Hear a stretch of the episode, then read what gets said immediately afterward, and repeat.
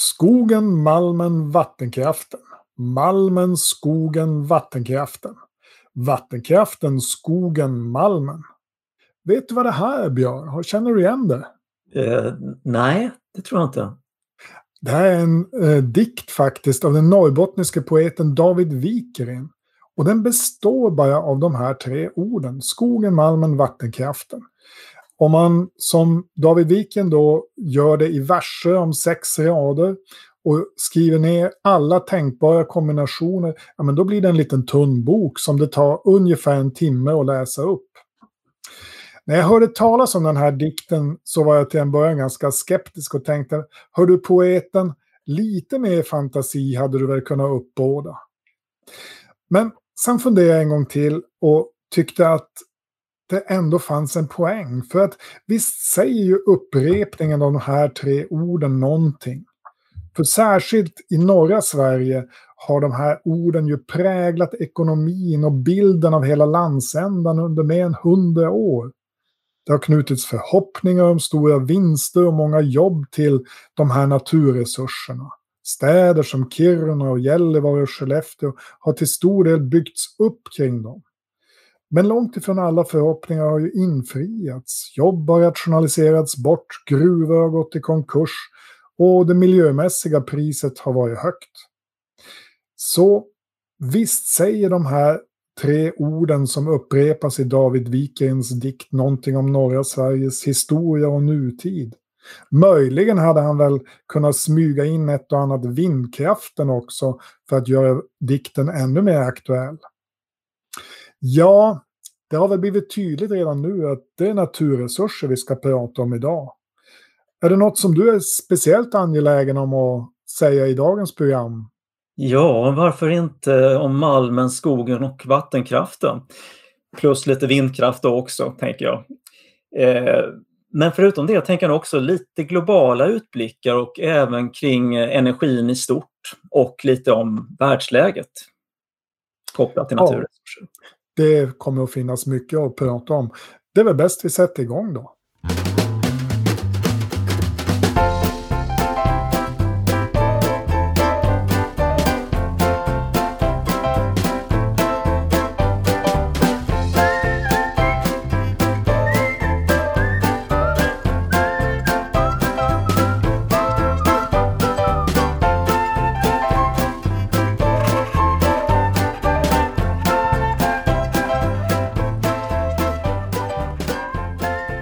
Under 2000-talet har det varit ett väldigt uppsving för naturresurserna.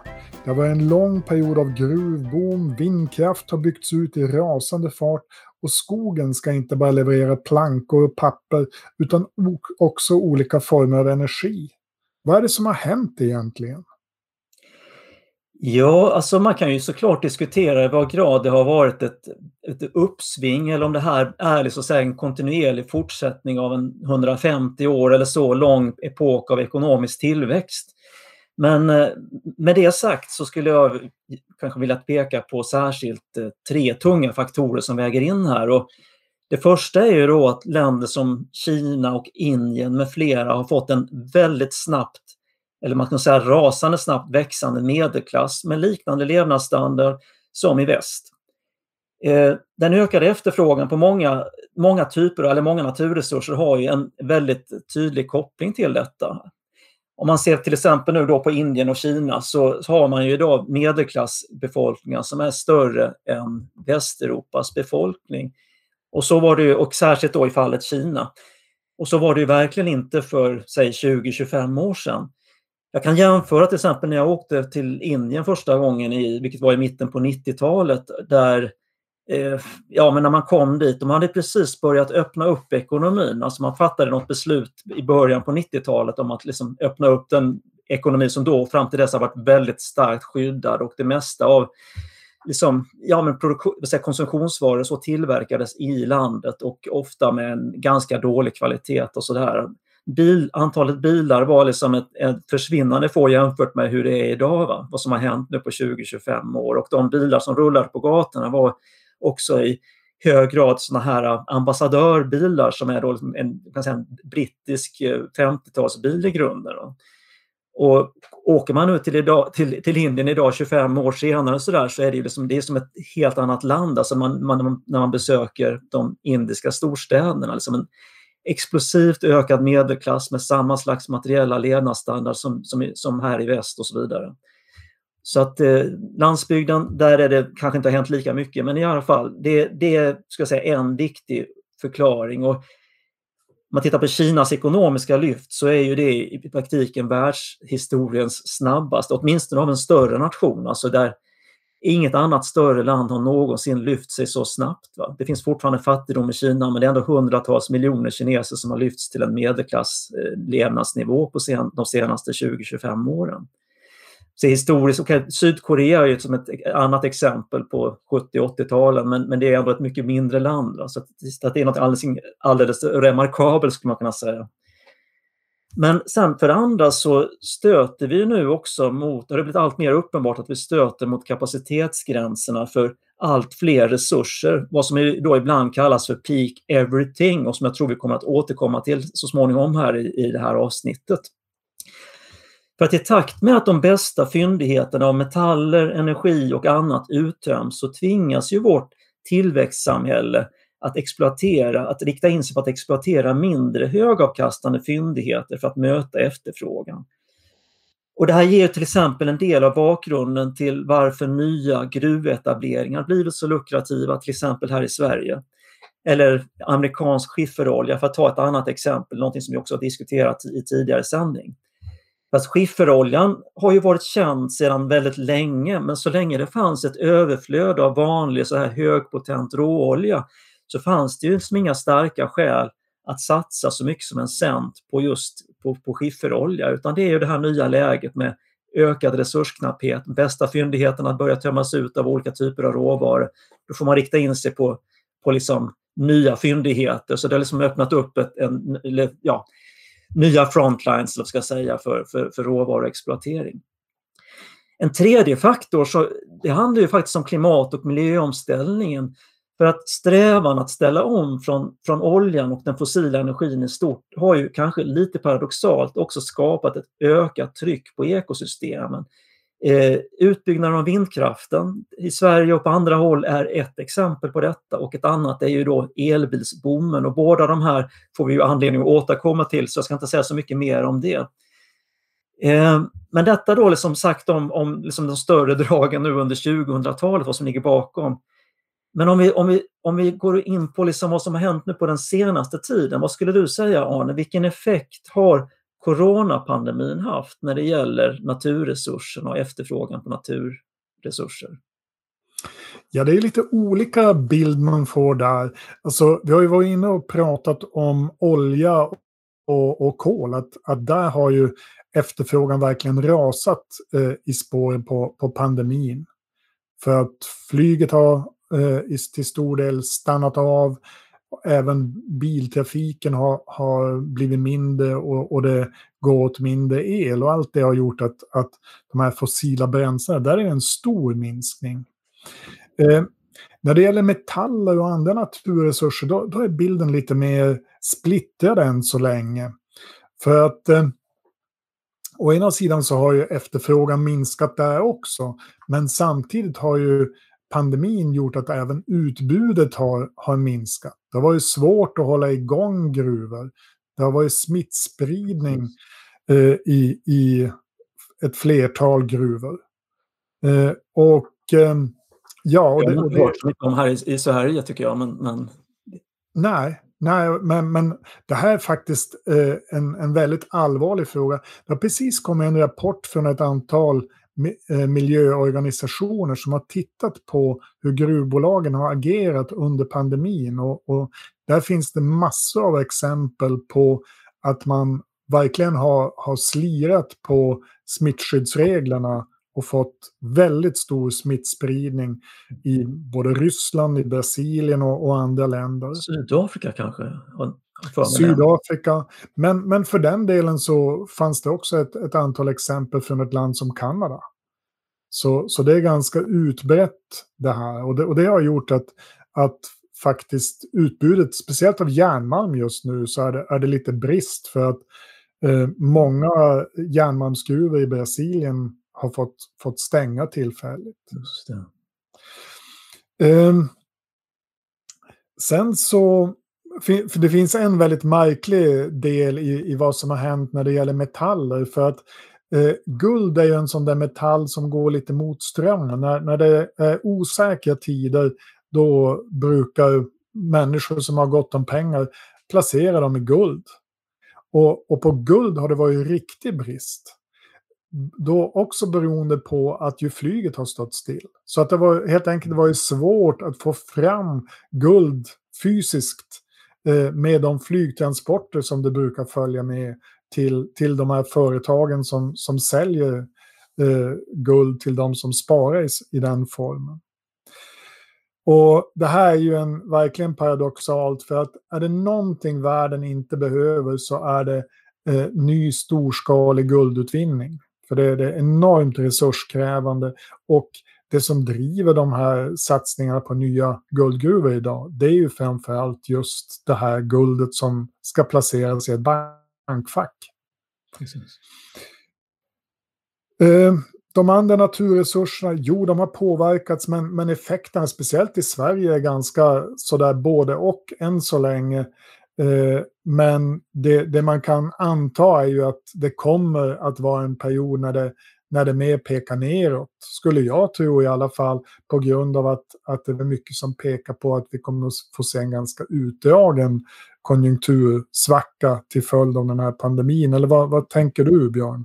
Ja, alltså jag tänker att eh, ovissheten kring vad som kommer att hända framöver har ju sällan, åtminstone i modern tid, varit så stor som nu. Alltså som, och som framtidsspanare så är ju det här också ett väldigt liksom, spännande läge. Eh, för vad vi ser precis nu i detta ögonblick är ju liksom en, en, det talas ju allt mer nu om en slags normalisering och att vi ser också ett växande tryck runt om oss i, i svenska samhället och på andra håll att allt ska återgå till det normala. Eh, och det, det tar ju sig då olika former som jag inte behöver gå in på här men eh, vi ser ändå liksom att det tas alla slags små steg just nu i riktning mot, mot att en slags återgång till, en, till någon slags normalitet. Samt så vet vi också att, att en andra våg av corona snabbt skulle kasta oss in i, tillbaka in i kylskåpet igen. Va? Eh, något som det talas betydligt mindre om, och det talas en del om det, men inte så mycket som man kanske skulle önska, är ju hur den massiva skuldsättningen som nu sker för att rädda företag, banker med mera, med mera, och inte då bara i Sverige utan, utan ut, överhuvudtaget runt om i världen, påverkar utsikterna till, för en återhämtning. Och här så ser det ju faktiskt ganska dystert ut.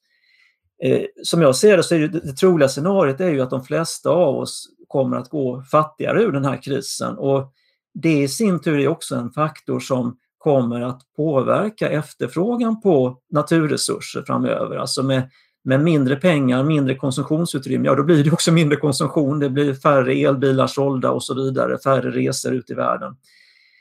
Eh, jag ska, tänkte jag ska nämna, kommentera en särskilt eh, en sak här som, som liksom är just aktuell just nu när vi spelar in det här avsnittet, nämligen utvecklingen i USA.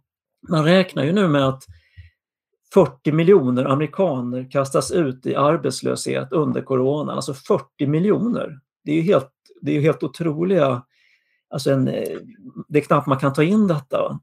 Ja, men visst, visst är, det, är det märkligt. Det har gått så oerhört fort. Och det, det visar ju på något sätt den ja. bräckliga grunden för den här ekonomiska uppgången i, i USA. Jo, men precis.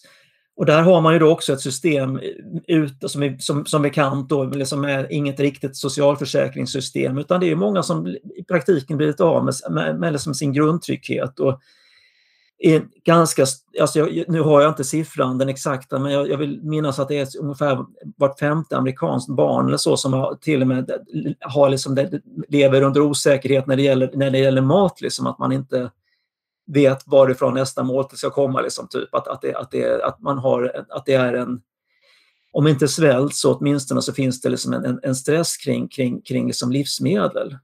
Att, eh, samtidigt så har ju ett litet fåtal gynnats starkt av krisen och eh, sådana som, alltså till exempel Amazon-bossen Jeff Bezos och även eh, Mark Zuckerberg för att ta ett annat exempel, Facebook.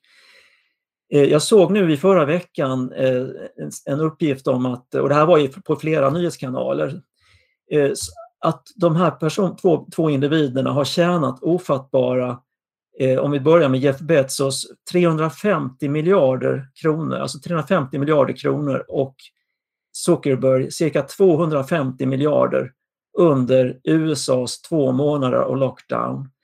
Och det är, det är liksom såna, det är väldigt svårt att ta in sådana här siffror, men för att ge, sätta det i lite perspektiv så skulle den tänkta höghastighetsbanan här i Sverige mellan storstäd, svenska storstäderna kostar sådär cirka 300 miljarder kronor och då talar vi om den största infrastruktursatsningen i Sverige någonsin i särklass. Men detta är ju då ändå, trots att det har varit en, liksom en, en väldigt otroligt het potatis i Sverige då med hur ska man finansiera det och så, så är detta en, en mindre summa än vad Jeff Bezos som en enskild privatperson har tjänat på två månaders tid. Va? Och jag tänker att den här skarpt växande ojämlikheten, för den har ju redan varit stor i USA, men, men alltså som nu har accentuerats ännu mycket mer under, under coronan, innebär ju såklart en otrolig krutdurk som säkert också ger en, en del av förklaringen till de upplopp som pågår just nu, i, åtminstone i, när vi spelar in det här, den här podden, så runt om i USA. Eh, som då, ja men det handlar naturligtvis i, i grunden om, om, om, om polisövervåld mot svarta, men, men jag tror också att för att, att förstå liksom den enorma kraft som är i detta nu, att, det, att, att det handlar även om att det är väldigt många som kastas ut på gatan utan trygghet, utan försörjning och en väldig frustration över de e-, enorma klyftor som, som, som, som, som coronan har bidragit till. Så det är, mm. nu, nu, nu kommer jag kanske lite iväg från, från just naturresurserna men det är ändå liksom en, en, en, ändå liksom en, en komponent i liksom hela det här för att, för att liksom, om vi ska titta framåt på vad det här innebär, efterfrågan på mm. naturresurser. Men vi kan väl vi kan väl komma in på ämnet gruvor, tänker jag på. Det, det är ju ett område som du verkligen behärskar, Arne. Eh, för det tycks ju som att du brukar bli ganska bekymrad när du hör nyheter om att det går bra eller uppåt för gruvbranschen, har jag fått intryck av. Ja, men så, så är det. Och eh, orsaken är ju att i grunden att metaller är en ändlig resurs. Och, och, den har i det här laget utnyttjats ganska hårt. Det, jag brukar ta koppar som ett, ett exempel. Om man går tillbaka till 1800-talet, då, då hittade man kopparfyndigheter som innehöll mer än 10 procent, ja upp till 20 procent koppar. Eh, och fortfarande vid år 1900 så var snittet i världen 4 procent koppar. Och då, då bröts det ungefär en miljon ton per år.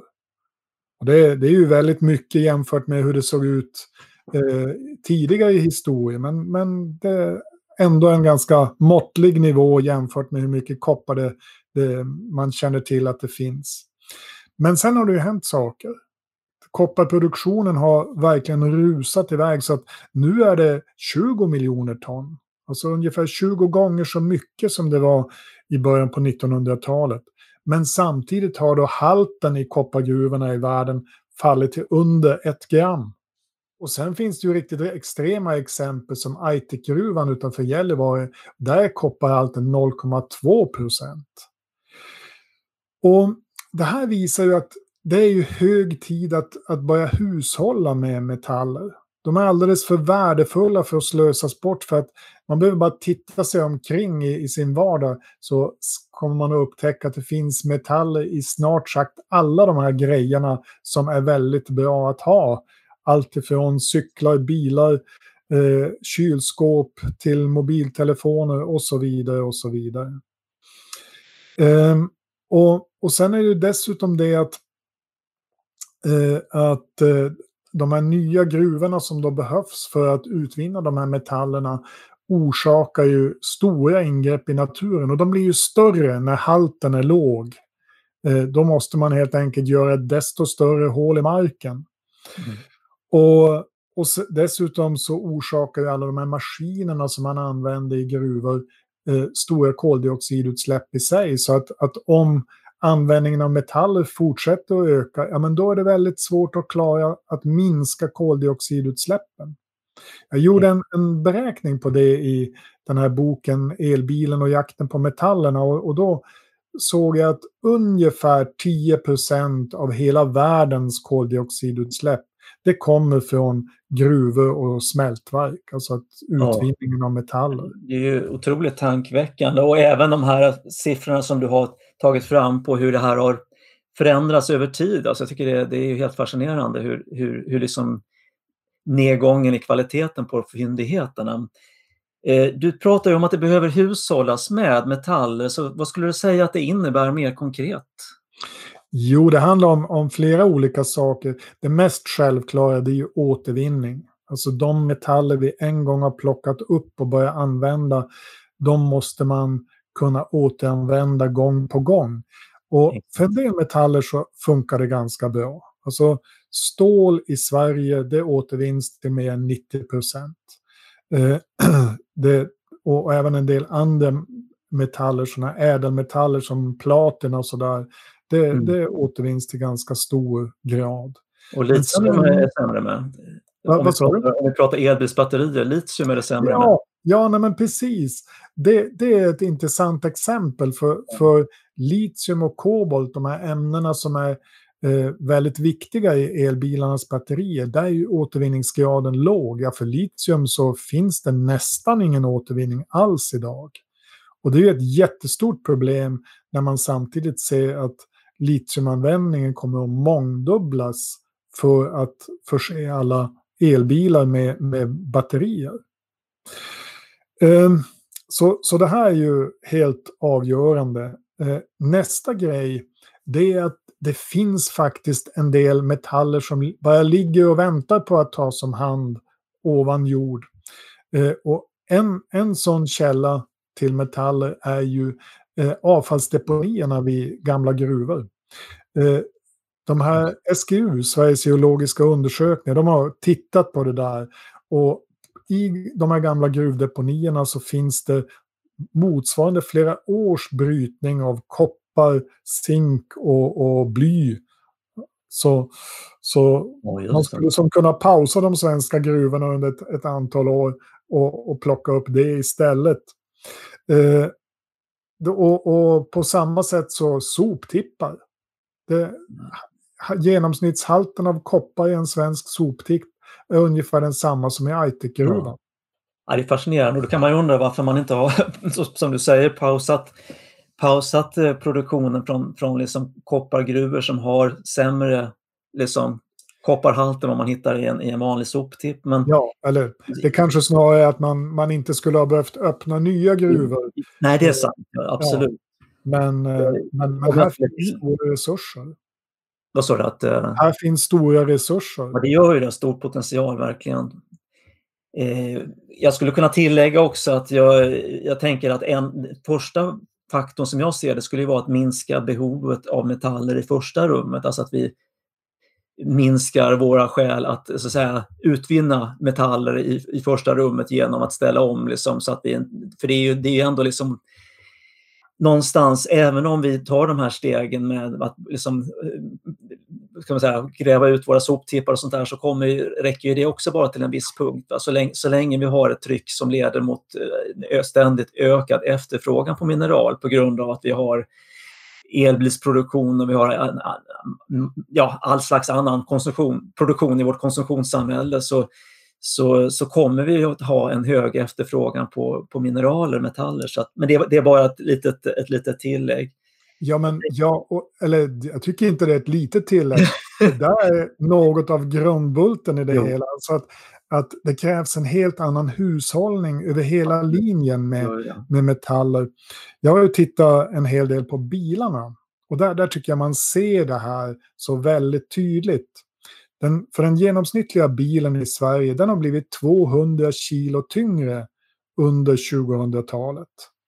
Och, och bara det är ju, handlar då om ungefär en miljon ton eller uppemot en miljon ton metall extra. Eh, och eh, samtidigt så har ju bilparken blivit allt större. Så, ja, vi har väl de största bilarna i Europa i Sverige. Ja, och, och, och fler har de blivit. Alltså, det, är, det är inte så att antalet bilar har ungefär stannat av på, på en nivå här för något årtionde sedan, utan Nej. det fortsätter att öka snabbare än befolkningsökningen. Och, och, så att jämfört med 2000 så har det som tillkommit ungefär en miljon bilar ytterligare i trafik. Och, och den utvecklingen är ju förstås inte hållbar. Och lägger man där till att de elbilar som nu byggs ofta har väldigt stora motorer och väldigt stora mm. batterier därför.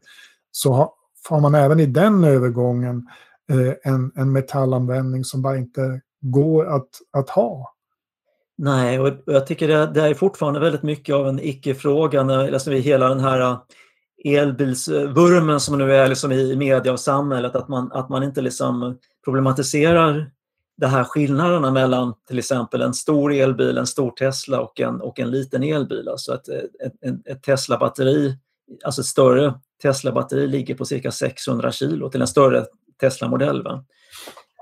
Och jag har sett någon uppgift också någonstans att alltså eh, ett, ett, ett el, elbilsbatteri till en normalt stor elbil räcker till motsvarande ungefär 200, skulle, ja, 200 elcykelbatterier. Och jag tänker ändå att eh, den typen av, av liksom diskussion skulle vi också behöva, liksom, att få fram det här, alltså, att, alltså resursperspektivet mer i debatten, att det finns problem med stora elbilar till exempel.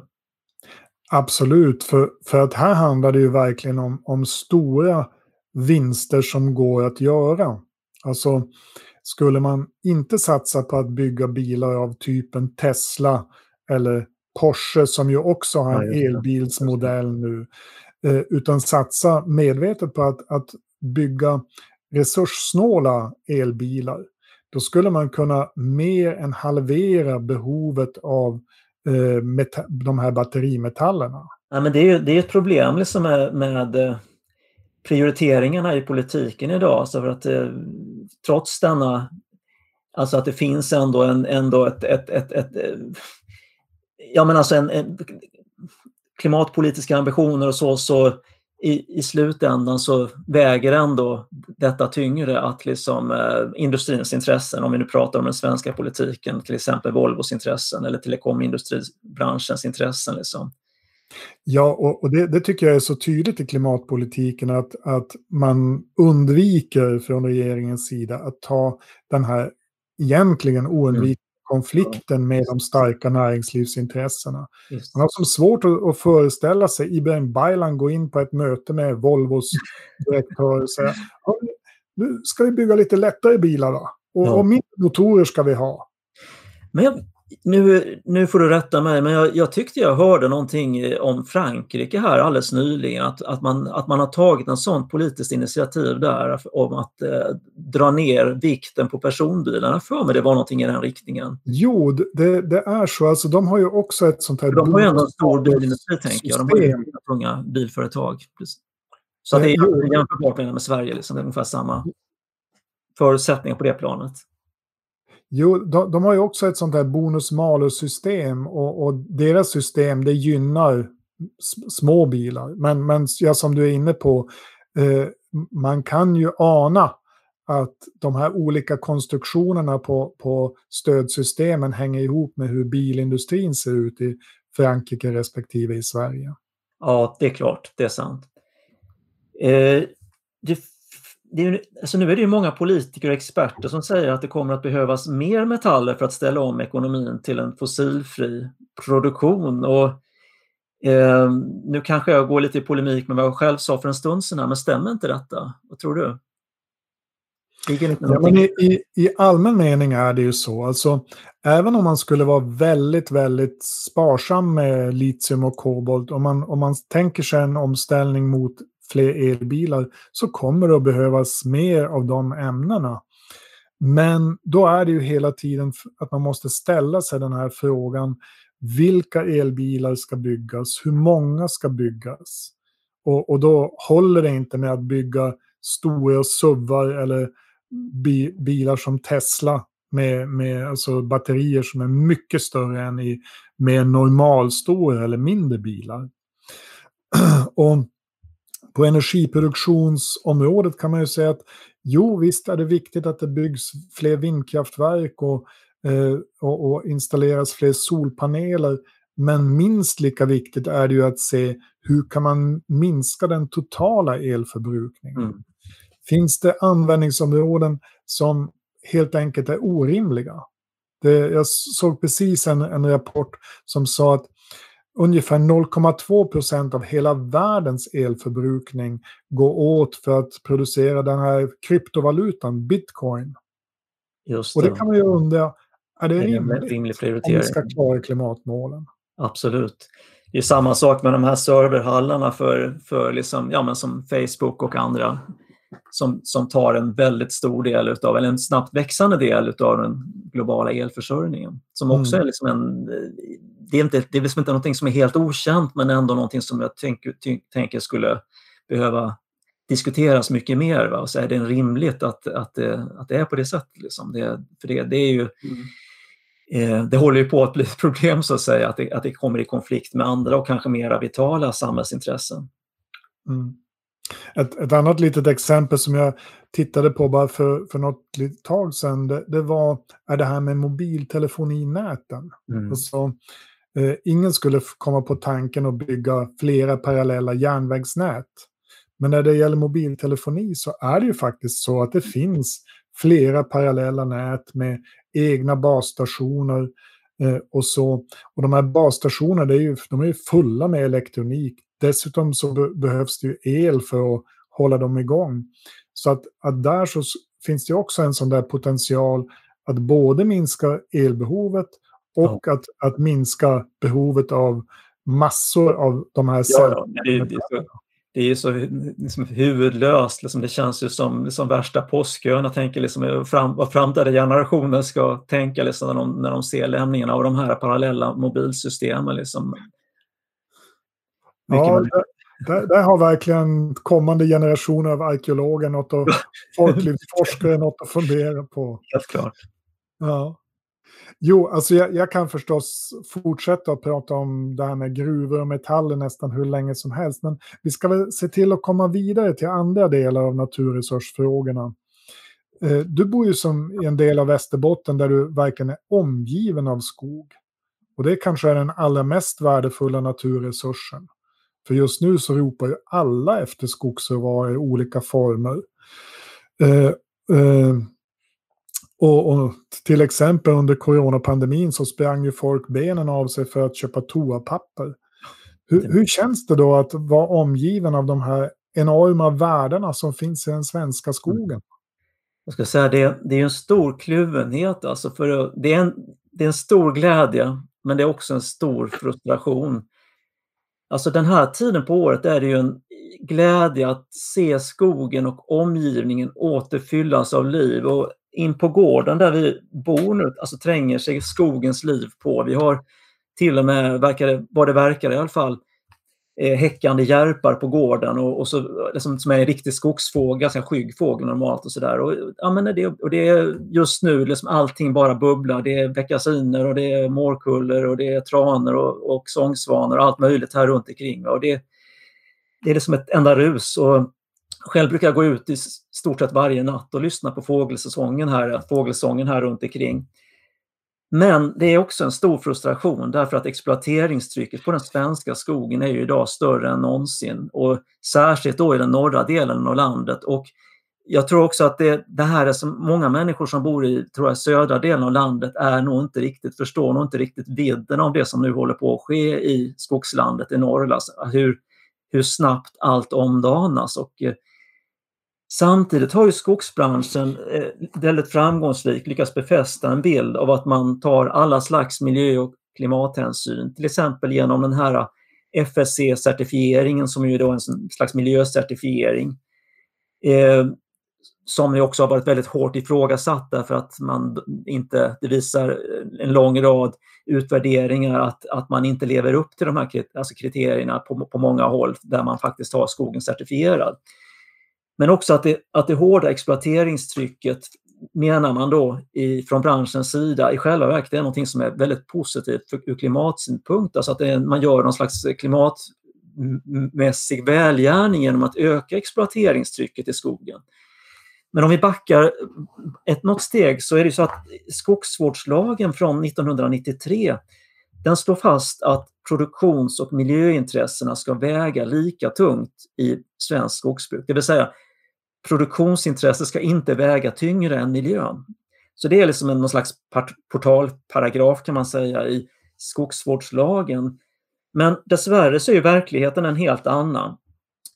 Eh, de sista skogarna med, med riktigt höga naturvärden nedanför de, den fjällnära skogen försvinner ju nu rasande snabbt och då menar jag inte bara liksom urskog utan, utan överhuvudtaget att det kan vara produktionsskog, gammal produktionsskog som också har höga naturvärden. Men det här försvinner nu väldigt, väldigt snabbt och det är också en skövling som inte minst eh, statliga Sveaskog som vi alla äger gemensamt är väldigt en pådrivande kraft i, alltså en väldigt delaktig i.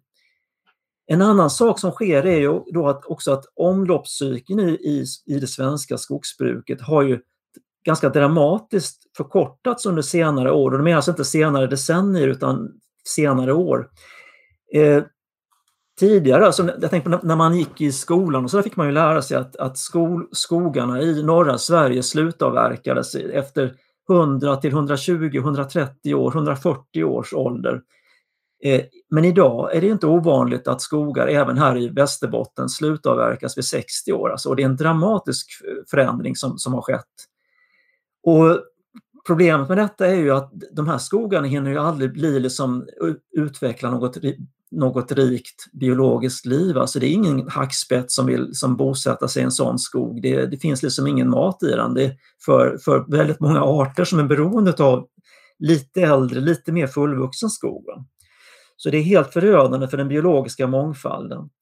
Och bara för att ge ett exempel här så kan jag ju i byn, omgivningarna runt byn där vi nu bor fanns när vi flyttade hit för cirka fem år sedan eh, några få större hyggen. Men på bara de senaste få åren, så, få åren så har jag räknat in ytterligare alltså i omgivningen här runt omkring, ett tiotal riktigt stora hyggen som har tillkommit och dessutom en väldig massa små hyggen också, mindre hyggen på någon hektar eller så, men, men framförallt ett, ett, ett, ett stort antal väldiga hyggen.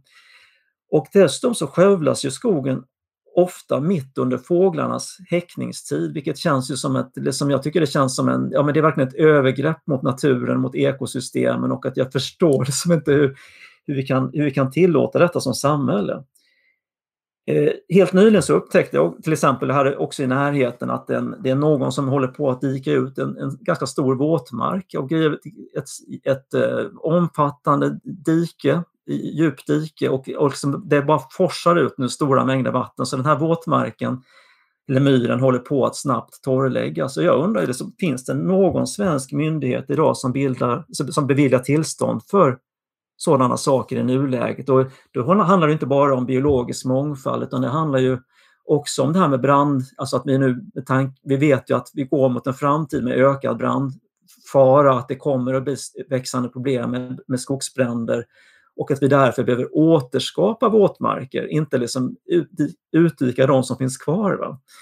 Men sån, sån är dessvärre verkligheten i, i det svenska skogslandet idag och jag har ju, därför har jag också lite svårt att, att eh, eh för när vi i, i, Sverige moraliserar över den skövling som sker i Amazonas, vilket är naturligtvis fruktansvärt, men problemet som jag ser det är att vi är inte så, vi är liksom inte ett dugg bättre själva. Alltså det är svårt att hävda någon trovärdighet i våra fördömanden av till exempel ja, den, den skövling som nu sker, i, i Brasilien, alltså Bolsonaros skövlingspolitik, när vi skövlar, alltså när skövlingen av våra egna skogar sker med våra egna myndigheters goda minne och liksom till och med med, med, ja, med viss, att myndigheterna driver på för detta. Mm. Ja, då kan man ju invända att visst, Amazonas är viktigare för jordens klimat kanske än den svenska skogen, men och dessutom att det här som sker i Amazonas nu också drabbar urfolk som bor i, som lever, i, lever inne i Amazonas. Men, men ändå så är det exakt samma slags kortsiktiga eh, skövlingspolitik som vi ser även här i Sverige.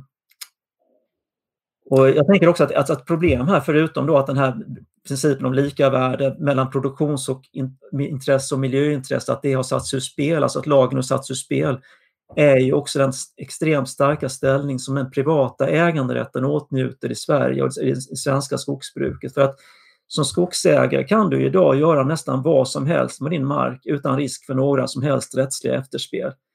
Alltså du kan dika ut, du kan skövla biotoper med rödlistade arter och så vidare. Bevisbördan ligger alltid på samhället eller på de i samhället som försöker värna biologisk mångfald och skogens naturvärden. Alltså det är, det är lite där vi står idag. Och för att avrunda hela den här liksom, eh, frågan om, om, om, om, om, vad som sker i skogen så det finns ytterligare en sak som jag tycker är ganska viktig att peka på här nu och det är ju att i den här så kallade bioekonomin nu som man talar om, alltså att man ska satsa på bio, alltså att, eh, de, att ta fram drivmedel från, från, från jord och skogsbruk, de så kallade areella näringarna. Eh, att det finns en väldigt stark målkonflikt här som sällan adresseras. För att, för att nå klimatmål och fossilfrihet så vill man ju nu i ökad grad använda skogsmarken för biobränsleproduktion. Eh, men ett ökat exploateringstryck på skogen det missgynnar ju inte bara den biologiska mångfalden som jag konstaterat nu, utan det, det missgynnar ju även klimatet. Va? Det, här har ju skogsbranschen liksom lyckas manipulera debatten. Man menar ju från branschens sida att genom att öka avverkningstrycket så gör man samtidigt en, en stor klimatinsats. Alltså därför att, och logiken är ju då att alltså nyplanterad ung skog växer ju snabbare än äldre skog och den, den uppväxande yngre skogen tar ju också då upp och binder koldioxid och så långt så har man ju rätt. Men vad man aldrig nämner med ett ord är ju hur mycket växthusgaser som går förlorade från den skog som avverkats först, där man sen sätter, planterar ny skog. Va? Och där finns det olika, olika uppska- eh, eh, beräkningar men, men eh, man, får, man får räkna med att, att det tar åtskilliga decennier för den nyplanterade skogen att binda den koldioxid som har förlorats upp i atmosfären från den skog som avverkas först. Va? Och det nämns ju liksom aldrig. Och, och vad som ytterligare tillskärper det här, liksom, förvärrar saken är ju också då genom, om man nu ska öka, liksom, införa mer intensiva metoder som markberedning, alltså markplöjning, stubbrytning och sådant som man pratar om nu för att få fram de här fossila, fossilfria drivmedlen, biodrivmedlen.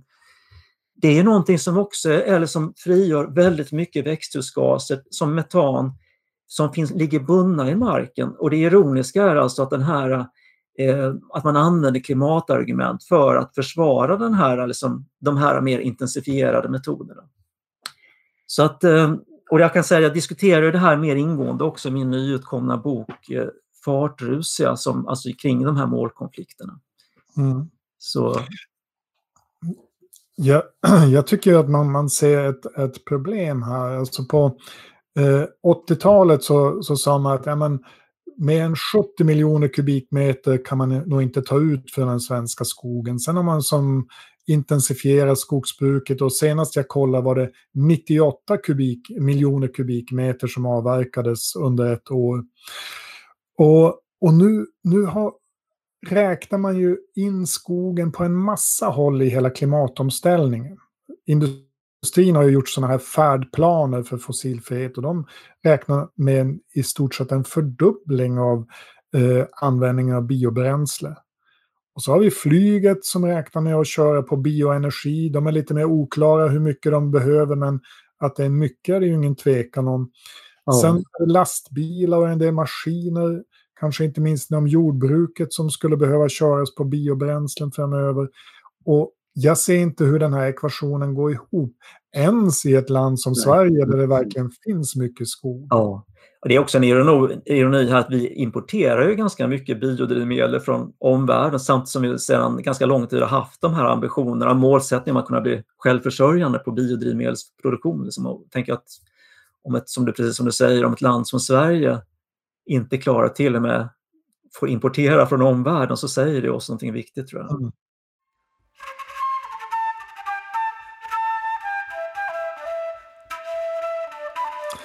Ja, men jag tänkte vi skulle gå, gå vidare eller komma tillbaka till något som du nämnde här i början. Du, du använder ju ibland det här uttrycket peak everything och, och, jag tycker det anknyter till en lyssnarfråga som vi har fått från Nina Pettersson i Boden. Hon frågar vilka fler megatrender är det som blockerar en återhämtning av ekonomin utifrån det vi sa då i det, det första avsnittet? Och hon skriver att hon minns att vi nämnde skuldsättningen som en av dem, men, mm. men hon, hon menar alltså att det, det, var nog fler där. Och då, då tänker jag, vad, vad, menar du egentligen med det här peak everything? Och är det kanske en av de här megatrenderna som Nina frågar efter? Ja, det, det är det absolut. Nu kan man ju diskutera om det är en enskild megatrend eller kanske till och med ett konglomerat av megatrender. Men poängen är i alla fall att vi befinner oss nu vid en, vid en slags punkt i historien där vi på en och samma gång står inför brist på många typer av naturresurser, alltså både förnybara resurser och icke förnybara. Eh, frågan om tillväxtens gränser har ju faktiskt diskuterats under väldigt lång tid, alltså sedan typ början av 70-talet och då kom ju bland annat den här ikoniska rapporten Limits to Growth som säkert en och annan lyssnare känner till. Eh, men på senare år har vi ju sett att konturerna skärpts kring det som man nu har varnat för sedan dess. Alltså, och att tillväxtens gränser faktiskt inte bara är någon, jag ska säga en, en avlägsen framtid utan det är någonting som är här och nu. Eh, som, men ändå tycker jag att samhällsdebatten på många sätt ändå, i, om man säger i stort, är fortsatt ganska blind för detta. Liksom också för det faktum att ekonomisk tillväxt kräver en ständigt ökad förbrukning av jordens resurser. Och det har vi också varit inne på i någon tidigare sändning. Men det som vi då för enkelhets skull kan kalla för peak everything kommer ju effektivt att sätta stopp för tillväxten och ja, för, för, för, för tillväxtepoken helt enkelt. Den, den epok som vi har levt med, i, åtminstone i västvärlden, i 100, 150, kanske till och med lite mer år beroende på hur man, hur man liksom mäter saken. Men i alla fall för vi ser ju nu på område efter område hur vi stöter emot hårda resursgränser. Vi, till exempel så har det kommit larmrapporter om hur alltså världsoceanernas marina liv har mer än halverats bara sedan 1970-talet, vilket är fullständigt dramatiskt. Om man tänker på att jag menar, 70 procent av, av, av, jorden täcks ut av, av oceaner och så, så mycket har gått förlorat på så pass kort tid ändå. Färskvattentillgångarna är på väg att sina i stora delar av världen och det, det kommer ju, ja, sen kommer vi naturligtvis in på det som, som handlar om metaller och mineraler och energi, men vattenkrisen skulle jag säga, den, den, den kommer definiera vår framtid i väldigt hög grad och tillsammans med slutet för fossilåldern så kommer den, denna liksom, kommer de här två kriserna, alltså vattenkrisen som vi står inför i stora delar av världen och slutet för fossilåldern att rycka undan två viktiga villkor av de villkor som har gjort det möjligt för världens befolkning att växa från ungefär en miljard människor som vi var i början på 1800-talet till idag snart 8 miljarder människor. Fast med det sagt så finns det, och det har vi också varit inne på lite grann, vi kanske inte har fördjupat så mycket i det, men det finns alltså löftesrika, måste ändå säga det, metoder som gör det möjligt för oss att på icke-fossil väg producera mat med mer högavkastande metoder. Men jag säger, jag säger att inte att vi, att vi är på väg tillbaka till en, den befolkningsnivå vi hade i början på 1800-talet. Det, vi, vi har, det, finns, det finns lösningar, men det ställer också krav på ett helt annat ekonomiskt system, helt andra samhällsprioriteringar och så vidare. Eh, så det kan man säga som ett, ett, ett, ett, ett litet försök då att, att eh, besvara frågan. Eh, men vi kanske skulle gå tillbaka till våra svenska naturresurser igen här och eh, i vår nordliga del av landet så finns det ju nu stora förhoppningar knutna till, till naturtillgångarna. Det, kommunalråd hoppas på att en ny gruva ska lyfta kommunen på något ställe och eh, den billiga elen ses som ett tungt argument för etableringar av serverhallar och eh, ja, batterifabriker på andra orter. Och sen har vi såklart alla skogens både nya och gamla användningsområden. Vad tror du Arne, kommer naturtillgången att ge ett uppsving för landsbygden i Sverige framöver? Ja, med dagens förutsättningar så är det ganska lätt att svara nej på den frågan. För dels handlar det här om branscher som har rationaliserats väldigt hårt. Alltså, eh, I runda slängar så har antalet jobb i skogen halverats sedan 1980. I eh, gruvorna så var det 16 000 som jobbade för 60 år sedan, nu är det 7 000. Så, så, så här ser det ut. Eh, och sen ser man ju också att eh, allt större andel av de här jobben i de här branscherna, de ligger snarare där huvudkontoren för de här företagen ligger. Det är där eh, de, de här kringtjänsterna, alltifrån advokater till tekniska konsulter och så vidare och så vidare håller till. Jag, jag tittade på det här i en bok som heter Norrlandsparadoxen och, och kollade på Luleå som ligger 25 mil från närmsta gruva. Och där hittade jag 500 gruvarbetare. Inte så många av dem hade hjälm på sig på jobbet, men de jobbade ändå med gruvnäringen på olika sätt. Och, och det här gör att det är väldigt svårt att se att det kommer att ge de här stora lyften. Vindkraften är nog det mest extrema för att kraftverken de tillverkas ju någon annanstans. Det är Tyskland, Danmark eller Kina. En stor del av arbetskraften som bygger, den är väldigt, de är väldigt specialiserade och följer också med från bygge till bygge. En del bolag gör så att eh, de låter arbetarna bo i, i husvagnar och så. Eller som utanför, utanför Piteå där det ligger en stor prom med bostadsmoduler. Ja, det. ger som inte ens någonting eh, för de lokala hotellen och campingplatserna. Och sen behövs det idag inte så många personer för att serva en modern vindkraftpark. Man kan ta Vattenfalls parker som byggs nu kring Fredrika i Västerbotten med en 120 vindkraftverk.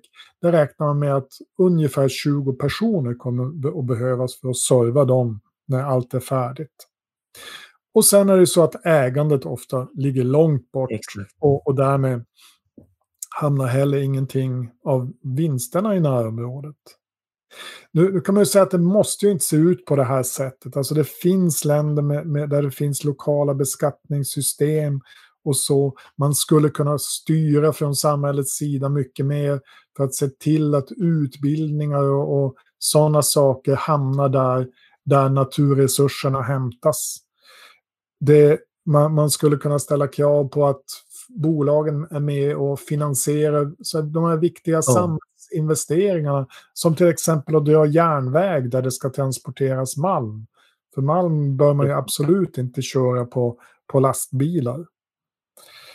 Så, och, och, skulle man ta större miljöhänsyn vid utvinningen av naturresurser så skulle det också ge betydligt fler jobb. Det tror jag inte minst skulle märkas inom skogsbruket. Definitivt, ja.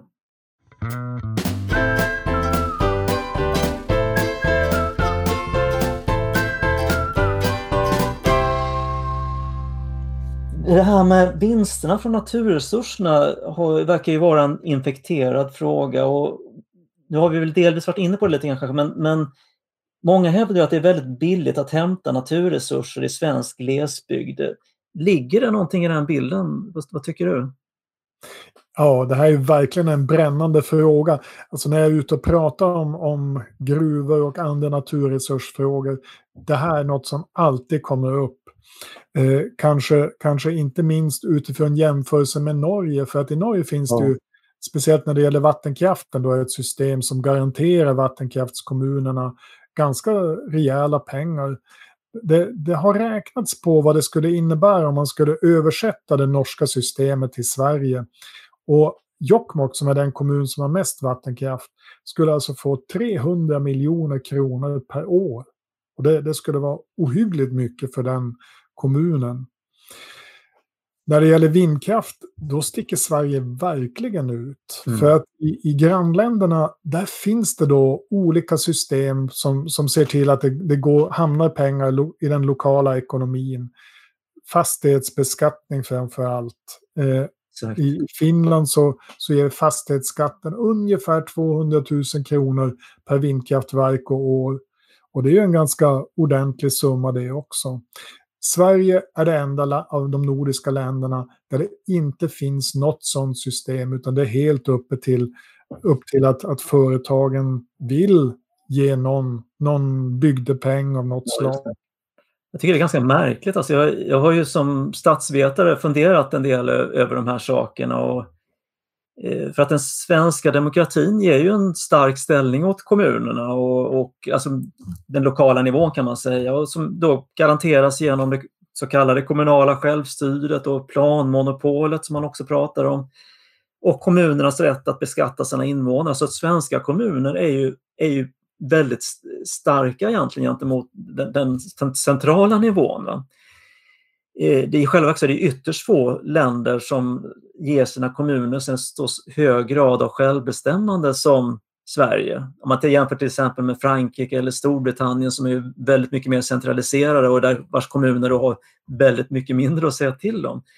Men just när det kommer till det som ses som liksom nationella intressen, alltså i markanvändningsfrågor, exploateringsfrågor, så har kommunerna plötsligt väldigt mycket mindre att säga till om. Och jag vet inte, jag, jag föreställer mig att det kan vara lite grann också när det gäller liksom eh, när det gäller utvinningen av, av, av eh, naturresurser i, i, liksom i, i glesbygden alltså en, och i norr, framförallt här uppe i norr då, en, en historisk kvarleva. Alltså att man ser kolonisationen av Norrland drevs ju väldigt mycket på av centralmakten och väldigt mycket också för att komma åt just malmen, skogen och vattenkraften. Eh, sen har ju dessutom en stor del av befolkningen i de här bygderna varit sysselsatta i, i de här näringarna som ju också gav, som du väl var inne på nu, fler arbetstillfällen förr. Och eh, Ofta var det dessutom var det staten själv som var arbetsgivare så att jag tror även att sådant kan bidra till att det, att det liksom inte har funnits någon stark tradition av att kräva att resurserna från Norrland ska återin, eller från de norrländska bygderna ska återinvesteras i de här bygderna. Jämför man då med Norge så har ju inte, det finns liksom inte den kolonialistiska traditionen där, den är inte lika stark och man har också som sagt en mycket mer levande landsbygdspolitik, vilket klart man kan diskutera vad som är hönan och ägget, men det kan ju bero på att man har ett system med många små, mycket små kommuner. Så Norge har ju vadå, nästan dubbelt så många kommuner som Sverige på typ halva befolkningen. Men det är som sagt, Norge är ju helt klart en förebild att, att snegla på när det gäller vår, alltså landsbygdspolitiken och eh, tänker jag för, för, för framtiden även här i Sverige. Ja, det, det, finns ju vissa delar av den norska regionalpolitiken och naturresurspolitiken som, som skiljer sig åt. Nu, alltså det, det jag har sett som, som argument från, från, eh, för att föra den här politiken, det syns bland annat i den svenska mineralstrategin, det är ju att man, man, man säger att ja, men det här är bra för att det här gör att det, det, finns ett intresse för att utvinna de här naturresurserna. Har vi en mineralavgift som då i Sveriges fall är en halv promille av, av produktionsvärdet, ja men då tycker många gruvbolag, både i Sverige och internationellt, att det är intressant att komma till Sverige för att leta efter de här mineralerna och öppna nya, nya gruvor. Och det här är ett ganska klassiskt nyliberalt resonemang och det verkar vara, vara väldigt fast förankrat hos regeringar under de senaste årtiondena. Det, det är bland annat ett, ett gäng forskare i Linköping som har tittat på det här i, i boken Svensk gruvpolitik i omvandling. Och som jag kan, kan rekommendera för den som har, behöver något att läsa i sommar. Eh, för, för det, det, här resonemanget är verkligen fast förankrat. Att, att ja. säga att bara vi har gynnsamma villkor, ja men då, då kommer eh, de här naturresurserna att, att utvinnas i större omfattning. Ja, det där är, det är en jätteintressant fråga och man, kan, man kan, skulle kunna grotta ner sig mycket mer i det. Jag tycker det är väldigt märkligt att Sverige har blivit, framstår som ett så extremt land när det, när det gäller liksom att öppna upp för gruvintressen från omvärlden liksom att, och med den här väldigt svaga lagstiftningen för att skydda, alltså att, att man har en väldigt, eh, väldigt starkt skydd för exploatörer men inte för, för så att säga, bevarandeintressen och, och lokala intressen, bygdeintressen. Men eh, nu har det ju varit så att vi har fått oundvikligen fått, behöver vi ta upp liksom en problembild här med den nuvarande utvecklingen. Men vi vill ju såklart också peka på möjligheterna, eller vad säger du Arne? Vad, men ser du några möjligheter på det här när det gäller naturresurser och uh, hur, hur, om vi ska tänka framåt här kring omställningen? Och, uh... Jo, nej, men det, det, är klart det finns en massa positiva saker. En grej som jag ändå ser som i grunden väldigt positiv, det är den tekniska utvecklingen som gör att, att sol och vind idag är, eh, har blivit så väldigt billiga. Till och med billigare än fossila energikällor när, när det ja. gäller att producera el. Eh, och, ja. och kostnaderna har fallit så dramatiskt så att idag är det ju svårt för kärnkraften och kolkraften att konkurrera ekonomiskt. Och, och det har ju blivit tydligt nu under coronapandemin där man ser att de här fossilkraftverken, de har verkligen haft det, det kärvt, inte minst i USA där kolet går tillbaka i snabb takt nu. Ja, exakt. de har driftkostnader för bränslet medan solpanelerna och vindkraftverken de producerar på utan att det just kostar någonting att hålla dem igång. Ja, det är häftigt. Jag såg att de hade slängt igen några gruvor nu i Appalacherna tror jag det var. Jag läste häromdagen bara. Ja. Så det, och, det och tänk att, att, i USA där ju eh, president Trump har varit väldigt mån om kolindustrin så är det nu så att de förnyelsebara energikällorna står för mer av elproduktionen än kolet för första gången. Det är en, en stor Det är verkligen häftigt. Eh, alltså, själv, ska säga så här, jag ska kasta in en liten, liten eh, brasklapp här. Jag, jag, jag, brinner verkligen för förnybart och självklart så ska vi satsa på förnybart. Men jag, jag, jag, vill ändå påpeka att det finns idag, tycker jag, ett stort feltänk i mycket av den utbyggnaden som nu sker. Alltså för något år sedan så passerade jag den här äh, vindkraftsparken som ligger väster om Piteå i äh, Markbygden. Där man planerar för lite drygt 1100 vindkraftverk, alltså 1100 vindkraftverk, vilket är ju den i särklass största satsningen i landet. Och jag måste säga, det var bland det värsta jag har sett, alltså, för att det var ett helt ödelagt som månlandskap. Liksom. Skogen var borta och, och, och, överallt vägar kors och tvärs med anläggningsvägar och, och så de här stora snurrorna. Då. Och för mig visar det på något sätt att den här industriella vindkraftsutbyggnaden eh, alltså en gång för alla ska jag säga, inte handlar om så värst mycket om klimat och omställning utan, utan om andra saker. Alltså för att den här storskaligt industriella modellen tror inte jag kan ge någon verklig push mot omställning. Och dels för att den är ett uttryck för samma anda som har skapat miljö och klimatkrisen i första rummet. Alltså en anda som handlar om att, att vi kan fortsätta exploatera den, de, de omgivande ekosystemen ända tills att det inte finns något kvar att exploatera. Och dels för att den inte heller bidrar till att på något riktigt, verkligt sätt sluta kretslopp eller för att gynna den lokala ekonomin som du var inne på här tidigare. Så att det här är inte någonting som verkligen gynnar de som bor i bygden. Jag tror att för att sluta kretslopp så det bygger djupast, om man ska se lite mer filosofiskt på det, på att följderna av, av vår, så att säga, vår resursförbrukning, vår konsumtion och så vidare synliggörs för oss själva. Att vi, att vi alltså ett lokalt kretslopp så blir det väldigt tydligt varifrån energin kommer, varifrån maten kommer och till vilken miljömässig kostnad. Liksom. Det, eftersom vi har, det här sker runt omkring oss. Vi ser, vi ser liksom den här vindsnurran som ger oss el eller solpanelen eh, och vi ser hur, hur, hur liksom förhållandet i, i, i, matproduktionen.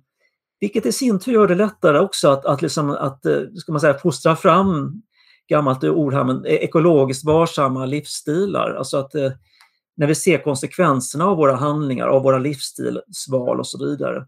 Men om du som till exempel om du bor i Sydsverige och får din el från en väldig vindkraftpark uppe i övre Norrland, då ser du inte de miljömässiga konsekvenserna.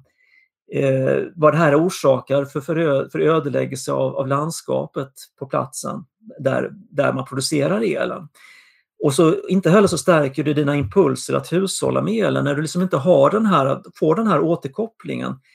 För elen kommer ju alltid där genom två hål i väggen som Vattenfall påstod i en reklamkampanj för i och för sig nu ganska många år sedan. Men, liksom det, men det är ändå, jag, jag tror det är väldigt viktigt att peka på. Alltså för, att, för att verkligen få skjuts på omställningen så måste vi ner mer på den lokala nivån. Och där menar jag att, tycker jag att samhället har lite fel ingång i omställningsdiskussionen idag. För att som samhälle så diskuterar vi omställning, till exempel när det kommer till energisystemen, mer som en avgränsad och teknisk frågeställning om si eller så många nya megawatt från vind och sol. Frågan vi istället borde utgå ifrån är hur skapar vi ett samhälle som är i harmoni med människa och ekosystem? Alltså ett djupare värdesamtal. Ett samtal som handlar om hur vi kan minska vårt behov av naturresurser i första rummet.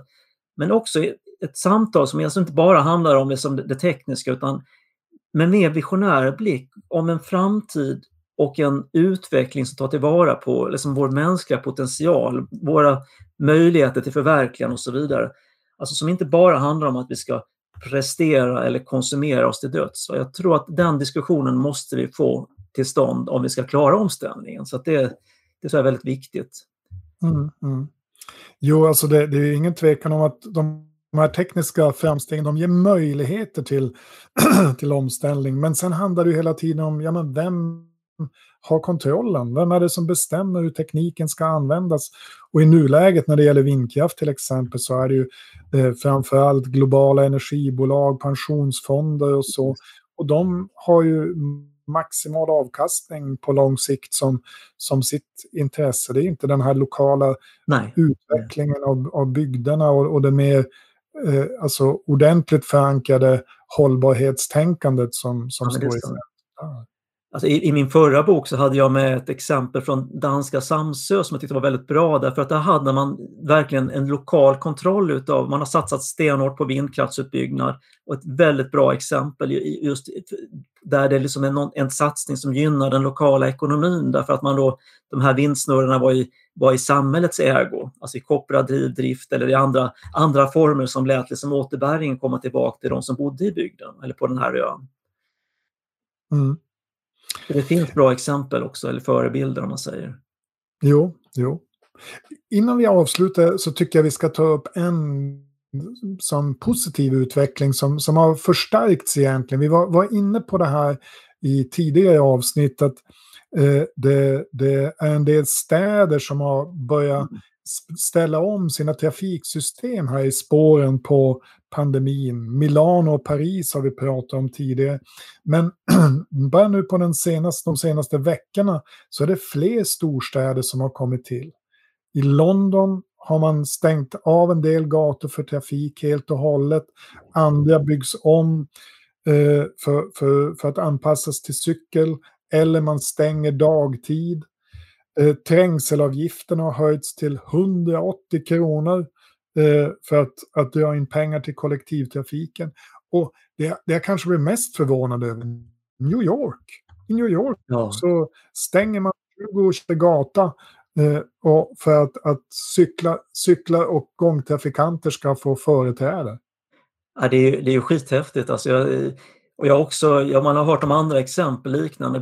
Bryssel bland annat har ett, ett, annat exempel på en stad, större stad där man nu på sistone har, har liksom flaggat för liksom en, en, en, att ställa om trafikplaneringen och på så vis liksom gynna kollektivtrafikanter och cyklister och gångare. Och det känns så häftigt, liksom. det liksom verkligen pirrar i magen när jag hör sånt där. För det, det, det visar ju på möjligheterna finns ju där och, och, är det här möjligt till och med i amerikanska storstäder så nog, nog tusan är det möjligt även här hemma.